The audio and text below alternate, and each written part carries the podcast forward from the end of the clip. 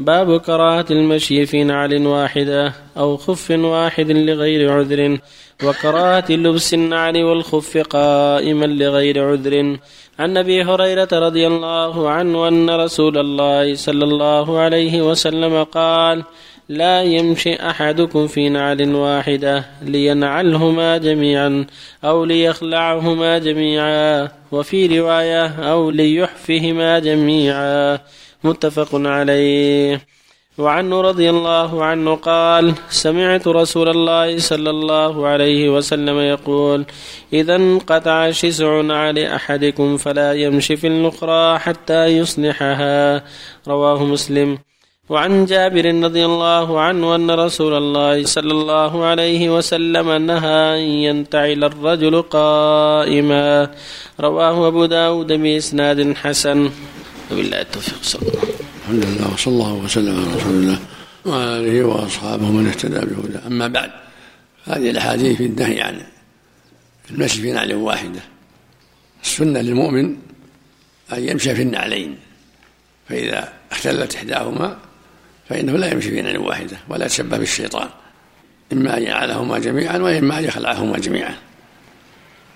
والسنة له أن يبدأ في اللبس باليمنى. وفي الخلع باليسرى.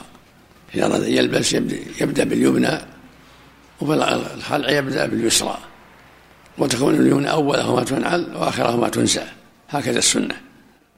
أما الانتعال وهو قائم فلا حرج فيه لأن الحديث المذكور وإن حسنه المؤلف هو ضعيف. الحديث المذكور ضعيف لأن في إسناده مدلس وقد عنعن. والمقصود لا يثبت في النهي عن الانتعال قائما. حديث ما نعلم. فلا حرج أن ينتعل قائما أو جالسا.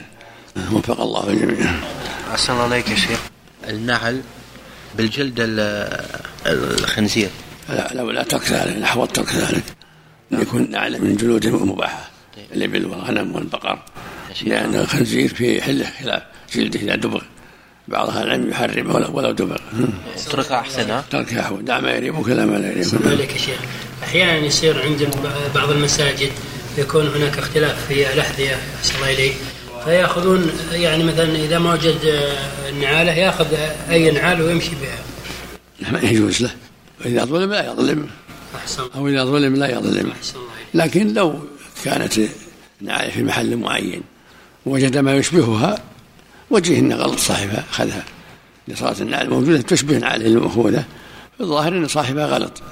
أحسن الله فلا بأس أن يأخذ اللي في محلها وهي تشبهها أما إذا ما بينهم مشابهة لا يأخذ.